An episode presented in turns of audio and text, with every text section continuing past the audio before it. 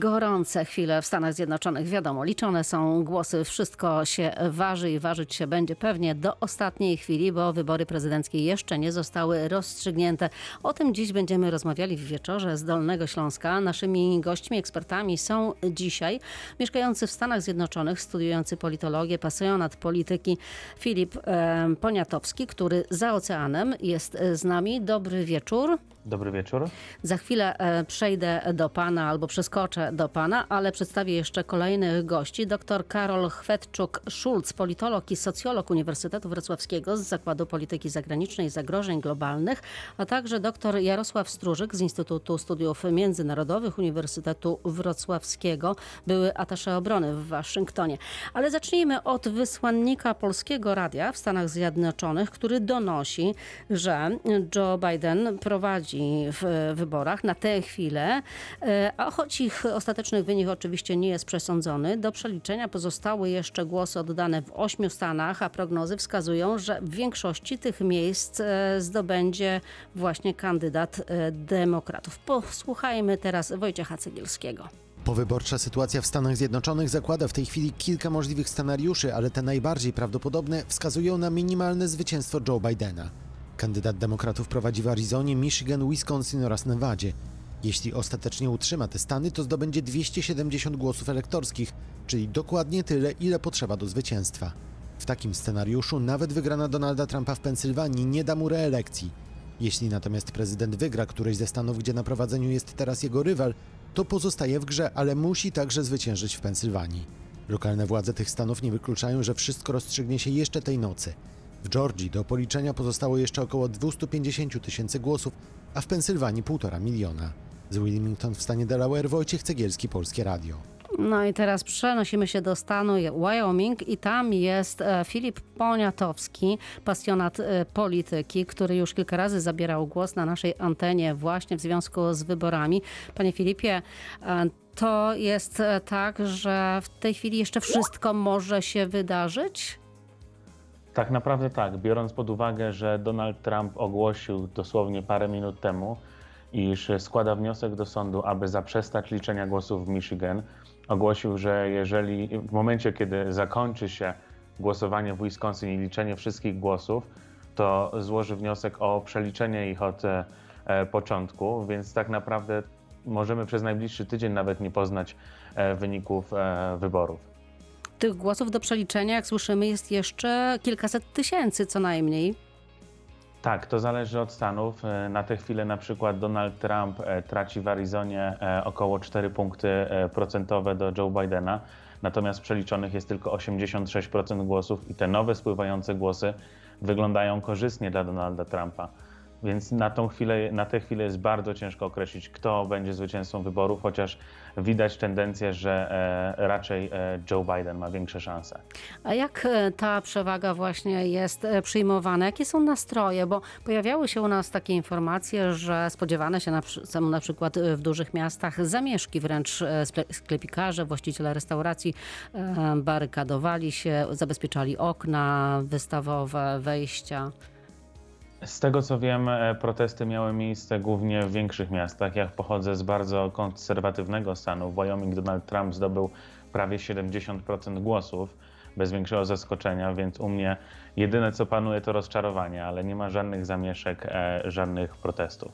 W Polsce wybory wywołują ogromne emocje. Podobnie wydaje się, że jest e, w Stanach społeczeństwo jest bardzo podzielone. E, tak, widać to po wynikach wyborów. E, Donald Trump aktualnie ma 48% wszystkich głosów, e, Joe Biden 50%. Widać, jak społeczeństwo jest tak naprawdę podzielone na pół. W niektórych stanach, takich jak u mnie w Wyoming, tego podziału nie widać, ale to wynika z tego, że mamy tak dużo po prostu republikanów. Natomiast w Colorado nieraz spotykałem się z sytuacjami, gdzie dwaj, e, dwaj, e, dwie osoby, które popierają jednego z kandydatów, kłóciły się między sobą. Więc w tych stanach, gdzie jakby ta liczba demokratów i republikanów jest mniej więcej taka sama lub e, jednych jest troszeczkę więcej lub trochę mniej. E, Tam e, są rzeczywiście napięcia. W takich stanach jak Wyoming, Montana, Idaho takich napięć nie ma, ponieważ są stany mocno e, republikańskie. A co, czy te spory też przenoszą się na e, taki grunt rodzinny, bo w Polsce tak właśnie jest, że często rodziny są podzielone. Nie mogą usiąść przy jednym stole i spokojnie porozmawiać. E, Zgadza się. E, Mojego znajomego rodzice są wszyscy demokratami, on sam jest republikaninem. E, Siadają przy jednym stole, rozmawiają, ale temat polityki dla nich nie istnieje. Co tak naprawdę przyciąga na jedną albo na drugą stronę? Jakie są mocne strony jednego i drugiego kandydata, Pana zdaniem? Według mnie to, co ludzi przyciąga do Trumpa, to to, że jest właśnie taki bezpośredni i to jest też ten czynnik, który ludzi odpycha. Przyciąga Myślę, i jednocześnie odpycha. Tak, dokładnie tak. Polaryzuje, można powiedzieć. E, Jeżeli chodzi o Bidena, to e, według mnie, jeżeli patrzymy na jego osobowość, e, najbardziej przyciąga ludzi ten jego spokój, wyważenie, taki brak jakby agresji i ta poprawność polityczna. W Polsce mówi się, że właściwie nie ma wielkiego znaczenia dla Polski, kto e, wygra, bo ta polityka nie powinna się specjalnie zmienić. Pan też tak to widzi? Tak, uważam, że e, tu niewiele się zmieni.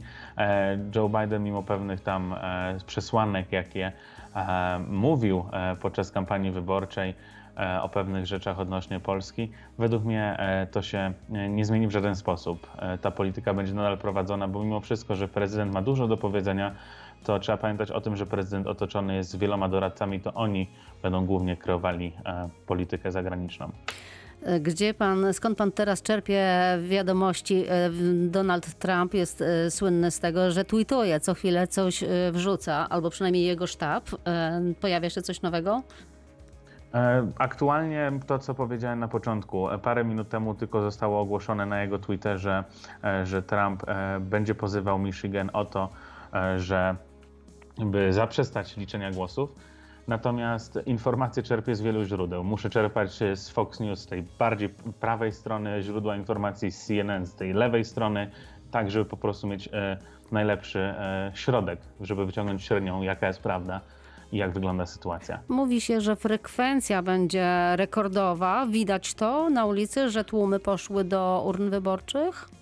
E, Raczej nie poszły tłumy do urn wyborczych w dniu głosowania. E, raczej zawdzięczamy to głos wcześniejszemu głosowaniu. Prawie 100 milionów osób zagłosowało wcześniej e, poprzez głosowanie korespondencyjne albo wcześniejsze głosowanie osobiste. Czekamy wobec tego na wyniki. Te oficjalne to jeszcze możemy trochę e, poczekać. E, Rzeczywiście na kartach, które były skanowane e, przy oddawaniu go, kiedy głosowało się jeszcze w sposób tradycyjny, to te wyniki właściwie były natychmiast po zamknięciu urn. Teraz to może być trochę inaczej. Przed chwilą byliśmy za oceanem, a teraz wracamy tutaj do Wrocławia, a dokładnie na Uniwersytet Wrocławski, bo dwaj goście właśnie związani z tą uczelnią, dr Karol Chwetczuk-Szulc, politolog i socjolog z Zakładu Polityki Zagranicznej i Zagrożeń Globalnych. Dobry wieczór panu. Dobry wieczór Pani, dobry wieczór Państwu. I dr Jarosław Stróżyk z Instytutu Studiów Międzynarodowych Uniwersytetu Wrocławskiego, były atasze obrony w Waszyngtonie i generał Brygady Rezerwy. Dobry wieczór. Dobry wieczór Pani, dobry wieczór Państwu. Zacznijmy może od e, politologa i socjologa. E, teraz e, to najważniejsze pytanie to oczywiście, kto wygra. Nikt na razie nie wie dokładnie, kto wygra, bo głosy są jeszcze liczone, ale pan, pan panie doktorze, jako specjalista, politolog, no, może inaczej patrzy na te informacje, które docierają już do nas.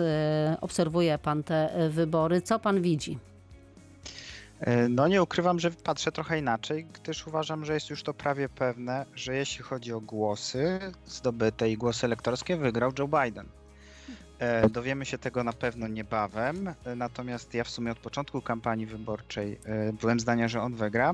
Jak patrzę teraz na te stany, no to tak jak powiedział w pierwszym wejściu redaktor Cegielski, Biden ma już 270 e, głosów elektorskich. Ostatnio przed 15 sekund temu dokładnie Wisconsin jest już e, oficjalnie stwierdzone, że to wygrał Biden. Jeżeli utrzyma Nevadę, Michigan, e, A, Pensy- a. Pensylwania, w której się ciągle tam liczy? Pensylwania, północna e, Karolina oraz Georgia są już w tej chwili nieważne. Jeżeli ten stan, który obecnie mamy, się utrzyma, tu najmniej stabilna, jeśli chodzi o poparcie dla Bidena, jest Nevada, ale mm, nie do końca bym się zgodził z tym, co pan Poniatowski powiedział wcześniej, ponieważ te głosy zdalne, e, przesyłane pocztą, zazwyczaj, czy bardzo, bardzo często faworyzują kandydatów demokratów. I to właśnie się stało w, między innymi w Michigan i Wisconsin, kiedy jeszcze na początku e, dzisiejszego dnia one były czerwonymi stanami, czyli tymi, tymi, gdzie więcej poparcia ma Donald Trump, a teraz są już e, niebieskie. E, No jest to, e, jest to zbieżne z e, przewidywaniami, które mieliśmy, chociaż znowu został niedoszacowany bardzo mocno Donald Trump i należy też pamiętać, że demokraci nie wygrali tak, jak wszyscy byli pewni, że wygrają w Senacie i w Izbie Reprezentantów. Senat będzie się wydawał, że nie uda im się go po prostu odbić i to będzie największa klęska demokratów. Ale teraz, jakby pan skomentował tą informację o tym, że sztab wyborczy Trumpa chce ponownego przeliczenia głosów e, w Wisconsin, to się, to może coś zmienić? No niestety może, ponieważ e, Donald Trump e, obsadził trzema nowymi kandydatami i kandydatką Sąd Najwyższy, który jest właściwym sądem do decydowania o konfliktach, sporach, jeśli chodzi o wybory. E, No i na zamówienie polityczne niestety ten sąd może e, do, dopuścić różne opcje. Przeliczanie głosów nie jest nic, niczym złym, bo głosy się nie powinny rozmnażać ani kurczyć magicznie. Natomiast y, jakie w zanadrzu mają pomysły, tego nie wiem. Wiem natomiast, że sztab Joe, Joe Bidena, Josepha Bidena już od dawna zbiera pieniądze właśnie na batalię prawną. Ale spodziewa pan się, że kiedy możemy poznać, no może nieoficjalne, bo na to jeszcze trzeba będzie poczekać, ale powiedzmy takie sondażowe e, wyniki? Y, Wydaje mi się, że to będzie przed piątkiem, y, kiedy będziemy wiedzieli, kto wygrał, jeśli chodzi o liczbę głosów elektorskich, bo na Pensylwanię, tak jak mówię, nie będziemy musieli już prawdopodobnie czekać. No a później to tak jak pan Poniatowski wcześniej wspominał, to już może być batalia sądowa. Trump, tak jak zapowiedział już wcześniej, niezgodnie z prawem i zasadami, że on wygrał te wybory i nie da sobie ich ukraść, wcześniej popełniając pewien e, błąd językowy, bo użył zamiast e, mm, słowa Pols przez dwa L, użył słowa na określenia Polaków, że kiedy po, nie powinno się głosować, kiedy Polacy są już zamknięci. To taki, taka mała ciekawostka w dzisiejszym twicie, tym pierwszym, w nocnym jeszcze. To teraz e, przejdźmy do doktora Jarosława Strużyka z Instytutu e, Studiów Międzynarodowych. E, Biden, pana zdaniem, to już jest przesądzone? No tak, moim zdaniem e, wygląda na to, że jest, będzie to e, Joe Biden. Natomiast e, rzeczywiście zgadzam się z panem doktorem. E, długa batalia, myślę, około miesiąca trwająca e, i kończąca się w Sądzie Najwyższym. E, tak, rzeczywiście wydaje się, że przewaga e, sędziów e, o poglądach republikańskich, czy też mianowanych przez prezydentów republikańskich jest e, obecnie 6 do 3. Natomiast e, jak głęboko wierzę, że to są jednak e, prawnicy, którzy e, odpowiadają swoim całym dorobkiem życiowym i e, przyszłością e, za decyzje, które są zgodne z prawem, więc e, wydaje mi się, że będzie prezydentem, 46. prezydentem Stanów Zjednoczonych będzie Joe Biden i w trzeciej dekadzie stycznia rozpo- rozpocznie swoje urzędowanie. Teraz e, wracamy do rozmowy z naszymi ekspertami. Wcześniej jeszcze wypowiedź ministra spraw zagranicznych Zbigniew Rau powiedział, że dla Polski nie ma większego znaczenia, jaka administracja będzie u władzy w Stanach Zjednoczonych. Nasze relacje ze Stanami Zjednoczonymi mają charakter systemowy, co oznacza, że niezależnie jaka administracja będzie przewodzić w Białym Domu, to jednak interesy strategiczne zarówno Polski, jak i naszych sąsiadów Trójmorza i interesy Stanów Zjednoczonych w tym obszarze zasadniczo się nie zmienią. Dlatego, że zaangażowanie amerykańskie i w Polsce, i u naszych sąsiadów jest już stałym elementem. To minister spraw zagranicznych, a my wracamy do rozmowy z naszymi dzisiejszymi ekspertami. Dr Karol Chwetczuk-Szulc, politolog, socjolog Uniwersytetu Wrocławskiego i dr Jarosław Strużyk z Instytutu Studiów e, Międzynarodowych. Może, może zacznijmy od pana Chwetczuka-Szulca. E, Czy pan się zgadza z ministrem spraw zagranicznych, że to nie ma znaczenia? E, Jakbym mógł poprosić jeszcze tylko małą dygresję, chciałam tylko podziękować mojej studentce, pani Barbarze Balickiej, bo ona mi uświadomiła, że Biden właśnie ma już te 270 głosów, to taka malutka e, prywata.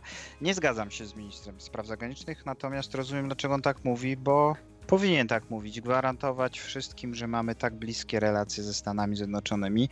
Natomiast ta obecność amerykańska w Polsce jest kontekstualna i jest e, bardzo jednostronna, jest nastawiona na realizację celów amerykańskich, interesów amerykańskich, czego e, wyraz m, regularnie daje e, ambasador Geor- Georgette Mosbacher. Uważam, że Joe Biden może zmienić dość wiele. Po pierwsze, przestanie wpędzać w, dobre, w dobry nastrój naszych polityków rządzących, ponieważ my musimy sobie uświadomić, że my nie jesteśmy ważnym partnerem Stanów Zjednoczonych. Jesteśmy średnich rozmiarów partnerem i można nas czasami wykorzystywać do e, rozgrywania Unii Europejskiej, co bardzo dobrze robił Donald Trump. Te Czasami wizyty rzeczywiście- były dość spektakularne, prawda? Przyjeżdżał do Tak. nas, pokazywał się. Dokładnie o to chodziło, aczkolwiek też trzeba mu oddać, że e, jako jedyny prezydent amerykański bardzo mocno protestował przeciwko moim zdaniem bardzo nierozsądnemu e, planowi, jakim jest budowa Nord Stream 2. I ona jest teraz trzymana po części prawdopodobnie także dzięki tej presji. Natomiast co się realnie może zmienić, to moim zdaniem to, że mm, zgodnie z, mm, ze standardami międzynarodowymi Polska nie jest już krajem w pełni demokratycznym. Jeżeli administracja Joe Bidena uzna ten fakt, nasze organizacje pozarządowe mogą się ponownie kwalifikować na pomoc publiczną ze Stanów Zjednoczonych. I wtedy polski rząd, który idzie śladami raczej y, Rosji czy Węgier, żeby traktować organizacje pozarządowe jako obcych agentów, no będzie miał problem, żeby odmówić pieniędzy ze Stanów Zjednoczonych. Więc to jest jeden z takich y, ewentualnych konkretów, który może nastąpić po tym, jak Joe Biden zostanie prezydentem. To jeszcze to samo pytanie do doktora Jarosława Strużyka z Instytutu, z Instytutu Studiów Międzynarodowych. Panie doktorze? E, Ja po części zgadzam się z panem e, ministrem Rałem, e, że to nie zmieni stosunku, czy też naszych stosunków oczywiście ze Stanami Zjednoczonymi, ponieważ musimy sobie zdawać sprawę, ile byśmy nie mieli audycji na temat wyborów, ile byśmy się tym nie interesowali. Dla Stanów Zjednoczonych jesteśmy państwem, które gdzieś jest w drugiej bądź w trzeciej lidze, zależy ich zainteresowania i miejmy tutaj jednak e, realny obraz e, tej sytuacji. E, Czasami oczywiście możemy próbować awansować do tej ligi wyższej, kupując pewne transfery technologiczne i dość kosztowne uzbrojenie, które oczywiście potrzebujemy. Natomiast z drugiej strony nie zgadzam się z ministrem Rałem, ponieważ to będzie miało znaczenie, jeżeli prezydentem Stanów Zjednoczonych zostanie Joe Biden, na co oczywiście już tu się zgadzamy, wszystko się zanosi. E, Ja chciałbym przypomnieć, że prezydent Duda na początku lipca gościł e, w Białym Domu i w jego obecności w czasie konferencji prasowej e, e, prezydent Trump nazywał e, Joe Bidena e, sleepy, czyli śpiochem, e, używał również innych określników i w jaki sposób e, nasz prezydent czy cała nasza administracja dawała temu swoją twarz, więc e, w jakim stopniu ta dyplomacja osobista, czyli pewne stosunki, e, które miały znaczenie i w jakim stopniu prezydent Trump nas, nas, nas powiedzmy lubił, bo generalnie lubi też prezydent Trump wszystkich, e, którzy wydają pieniądze w Stanach Zjednoczonych. Biznesmen. E, to no jest to biznesmen i merkantylne podejście dominowało jego prezydenturę, e, również w tej sferze e, zbrojeniowej. e, No właśnie, jeszcze ten e, aspekt e, Tak. ob obronności, o to chciałam pana zapytać właśnie. No, powiem w ten sposób. e, Ja mam tylko nadzieję, że mamy też świadomość, że te wszystkie decyzje i liczba żołnierzy amerykańskich, obecnie około 4,5 tysiąca żołnierzy na ziemi polskiej, to są jeszcze decyzje Joe Bidena i prezydenta Obamy, bo to są decyzje roku e, 2016, które były wdrażane w roku 2017 i 2018. E, Ja mam nadzieję, że obietnice prezydenta Trumpa, wielokrotnie przecież i podnoszone, e, tych dodatkowych tysiąca, dodatkowego tysiąca żołnierzy e, będą również miały miejsce, ale prezydent Trump jednak to jest ta osoba, która w mojej ocenie dosyć w dużym stopniu rozkalibrowała NATO, pewną spójność sojuszniczą, wycofał ponadto, czy też zdecydował o wycofaniu, bo to jeszcze nie miało miejsca, około 10 tysięcy, czy prawie 12, przepraszam, tysięcy żołnierzy z 35 tysięcy żołnierzy z Niemiec, więc generalnie osłabił e, sumarycznie e, tę obecność amerykańską w Europie. A to nie możemy liczyć e, Polski jako wyspy oczywiście wolności, czy wyspy jakiejś zbrojeniowej, tylko musimy patrzeć szerzej jako sojusz. I tutaj dla mnie prezydent Trump e, czynił, e, powiedzmy mówiąc górnolotnie, zło, natomiast jego działania e, były naprawdę mm, krótkofalowe i mam wrażenie, że nasza dyplomacja, nasz rząd również podejmował kroki krótkofalowe i niestety w dużym stopniu będziemy musieli e, zapłacić tego cenę w najbliższych czterech latach. I jeszcze wypowiedź byłego ministra spraw zagranicznych Witold Waszczykowski mówił w Polskim Radiu, że stosunki Polski ze Stanami Zjednoczonymi nie powinny się mocno zmienić w przypadku wygranej kandydata demokratów. Demokrata Clinton wprowadzał nas do NATO, Bush Junior znowu budował tarczę amerykańską z nami, demokrata Obama proponował wojsko i, i zrealizował to z Trumpem. Rozszerzyliśmy współpracę o gaz, o energetykę i tak dalej.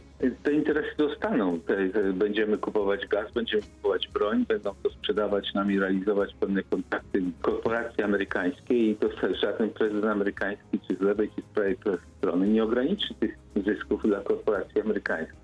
To kolejny głos, e, jakby mówiący o tym, że niewiele się dla Polski zmienia. Wracamy do rozmowy z naszymi gośćmi. Dr Karol Chwetczuk-Szulc, politolog e, i socjolog z Uniwersytetu Wrocławskiego. Mówiliśmy trochę o tych stosunkach e, Stany Zjednoczone-Polska.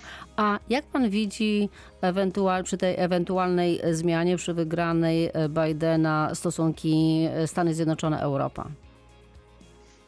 Wydaje mi się, że nastąpi swego rodzaju renesans, czy raczej powrót do poprzednich relacji.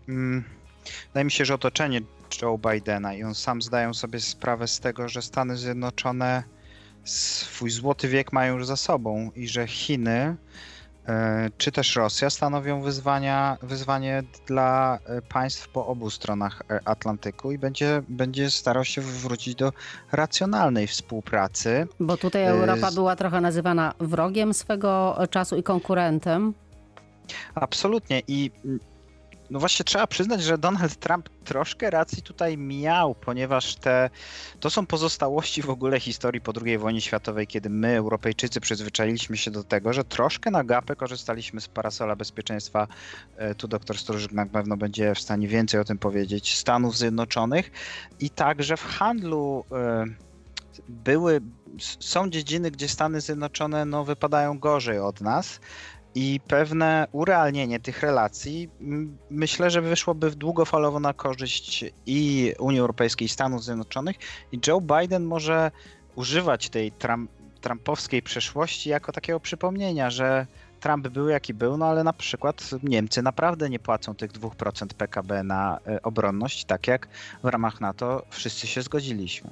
Czy właśnie Stany Zjednoczone pod przywództwem Bidena mogą właśnie wrócić do takiej roli światowego lidera odpowiedzialnego za losy świata? Samodzielnie już nie. Moim zdaniem jest już na to za późno. Problemy gospodarcze, czyli ta baza, która stanowi o tym, że Stany Zjednoczone były w stanie projektować swoją moc na cały glob, jest już zbyt mała, relatywnie oczywiście w porównaniu do Chin i do innych konkurentów. Natomiast sojusz euroatlantycki wciąż wydaje się najbardziej logicznym, czy wręcz naturalnym rozwiązaniem dla nich. Doktor Jarosław Stróżyk z nami jest. Jak pan widzi te relacje Stany Zjednoczone-Europa? Sądzę, że prezydent Biden jako wytrawny polityk, y, pamiętajmy, że to był e, ponad 30 lat temu, e, prawie 40 lat temu jeden z najmłodszych senatorów, e, więc on całe życie spędził na Kapitolu i w Waszyngtonie generalnie. E, W jakim stopniu wykorzysta to, co zrobił Trump y, i nie będzie chciał wracać w stosunku jeden do jednego do tej przeszłości i do pewnych e, dobrych, czy bardzo dobrych relacji e, z głównymi państwami NATO czy też Unii Europejskiej. E, Na pewno poprawi je w tej warstwie e, symbolicznej, osobistej. E, Z drugiej strony czasami rzeczywiście e, jest tutaj konflikt interesów e, głównie z Niemcami i e, z innymi państwami na linii również gospodarczej, więc e, myślę, że tutaj, tak jak powiedziałem, nie ma powrotu do tego, co było. Sądzę, że prezydent Biden powróci jednak też e, do tej, e, e, tego, tego e, e, kierunku chińskiego i jednak tam skupi swoje główne działania, tak jak i większość administracji amerykańskiej e, uważała. Pamiętamy za prezydenta Obamy tak zwany e, rebalans w stronę e, Azji, e, że jednak Chiny w tym, tej perspektywie kilkunastu lat są głównym potencjalnym przeciwnikiem również na tym polu ewentualnie militarnym. Więc tak jak, tak jak mówię, to też sobie powiedzmy szczerze, to nie tylko prezydent Trump walczył o te 2%, również poprzednie administracje w sposób wyważony wyrażały takie opinie o tym, że sojusznicy w NATO powinni wydawać te tak zwane 2% produktu krajowego brutto na obronność, ale pamiętajmy, że to jest kwota umowna. Ja bardzo bym chciał zawsze, żebyśmy mieli nawet na polską armię, na polskie siły zbrojne te według prezydenta Trumpa małe liczby niemieckie, czyli 1,35 produktu krajowego brutto, czyli mniej więcej 5 razy więcej niż mamy do dyspozycji w Polsce na obronność, czyli ponad 50 miliardów euro, a nasz budżet to jest około, zależy jak liczymy, między 11 a 12 miliardów euro. Więc to pamiętajmy, liczby mają znaczenie. Ale mówię, Obronność. Tak, obronność i nakłady na armię to jest e, jedno, natomiast teraz cały świat ma jednego e, wroga, e, COVID-19 i Donald Trump e, podkreślał wielokrotnie w swoich wystąpieniach, że po pierwsze Ameryka, czyli e, no tutaj em, jeśli nawet na przykład pojawi się e, szczepionka, e, czyli broń do walki z koronawirusem, no to przede wszystkim e, Ameryka. Tu e, wydaje się, że świat naukowy nie ma, nie widzi tego podziału, jak panowie to widzą. no, rzeczywiście te główne wszystkie koncerny, bodajże sześć koncernów, Współpracują z E, sobą, współpr- no nie sądzę jednak, tutaj trochę walczą konkurują. o, o, tak. to, o to pierwszeństwo, tam bodajże dwa są dosyć blisko, e, bliżej tej szczepionki. Pamiętajmy, to będą olbrzymie miliardy dolarów, więc e, to jest, e, znowu wracamy do pewnego e, biznesowego podejścia i do tego, co jednak Stany Zjednoczone, na czym polega potęga Stanów Zjednoczonych, więc e, oczywiście wirus jest i tak jak szacujemy będzie do czasu szczepionki, mam nadzieję, że ona szybko zostanie wynaleziona. Chiny już widzimy nie mają tego problemu i prą do przodu. E, oczywiście pojawiające się teorie spiskowe myślę, że będą też e, i dalej podsycane przez e, byłego już prezydenta Trumpa, tak jak i o sfałszowanych wyborach będzie już, mam, mam wrażenie, mówił e, do końca mm, swojej aktywności zawodowej. E, Więc bardzo ciekawy okres przed nami. Prezydent Biden nie, nie wkracza w niego w okres, który jest łatwy. To jest wiele, e, wiele wyzwań, zarówno gospodarczych, jak i e, e, politycznych przed nim. Jest on, tak jak mówiłem, doświadczonym politykiem. Otoczy się na pewno doświadczonymi osobami. Sekretarz obrony, sekretarzem obrony po raz pierwszy zostanie kobieta, pani Michelle Flournoy na przykład. To wszystko są znane osoby. Wiemy, czego oczekiwać od nich. Mają one pewne swoje portfolio i historię swojego działania. To będzie też ta główna zmiana, e, bo mam wrażenie też, jeżeli trochę chcemy porównywać do, do, do poletka polskiego. No właśnie, w na koniec chciałabym, żeby to trochę porównać, bo te osoby, podziały nie właśnie są ogromne, tak samo w Stanach Zjednoczonych, jak i, i w Polsce. Jak można byłoby, e, jak, jak pogodzić to społeczeństwo, które jest tak e, podzielone? Znaczy w Stanach Zjednoczonych zawsze e, te wybory między dwoma kandydatami były dosyć blisko e, i to podział następował prawie po połowie, ale politycy amerykańscy dotychczas, poza prezydentem Trumpem, starali się godzić te podziały w swoim, e, w swoim działaniu w czasie swojej kadencji. Prezydent Trump czynił coś dokładnie odwrotnego, e, więc e, to, to jest e, rola polityków. e, e, rozwiązywać więcej problemów ni- niż ich stworzą, e, więc tworzą, więc e, w tym względzie widzimy wiele podobieństw oczywiście między, między naszymi państwami e, w jakimś stopniu, e, ale mówię, e, tutaj jednak mają główną wartość pewne kwestie gospodarcze i oby na tym również i Polska korzystała na współpracy ze Stanami Zjednoczonymi. To już na koniec naszej e, rozmowy sprawdzam jeszcze najświeższe wiadomości. E, nowych właściwie nie ma w tej chwili. Wszystko wskazuje na to, że Joe Biden e, wygrywa te e, wybory, chociaż dziś jeszcze tak ostatecznie nie można powiedzieć, prawda? Ja bym jednak już ogłosił zwycięstwo Joe To Bidena. ogłaszamy mimo w. Radiu Wrocław, tak. Nie mogą przestać liczyć. No ogłaszamy, musimy to powiedzieć tylko prezydentowi Trumpowi, bo. Żeby się zgodził, a on jest taki zgodny przecież. Tak, Bardzo. prezydent e, Trump może się nie zgodzić. E, Trwa cały czas jednak liczenie głosów. Prezydent Trump już zapowiada, że będzie żądał ponownego przeliczenia. Tutaj być może właśnie zaczną się teraz sądowe batalie. Ja myślę, że dziś to już wszystko. Naszymi gośćmi byli dr Karol Chwetczuk-Szulc, politolog i socjolog z Uniwersytetu Wrocławskiego. Panie doktorze, bardzo dziękuję za udział w audycji. Raju, a ja również, bo mi bardzo miło. Dziękuję najmocniej. I dr Jarosław Stróżyk z Instytutu Studiów Międzynarodowych Uniwersytetu Wrocławskiego, były atasze e, obrony w Waszyngtonie i generał brygady rezerwy. Cokolwiek by to znaczyło. Roz, rozjaśni pan, co to znaczy generał brygady rezerwy?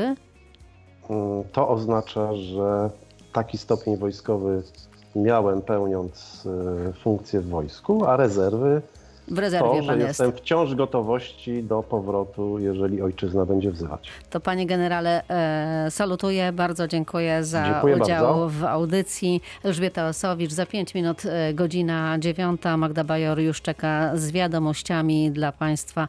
Ja mówię do usłyszenia, spokojnego wieczoru.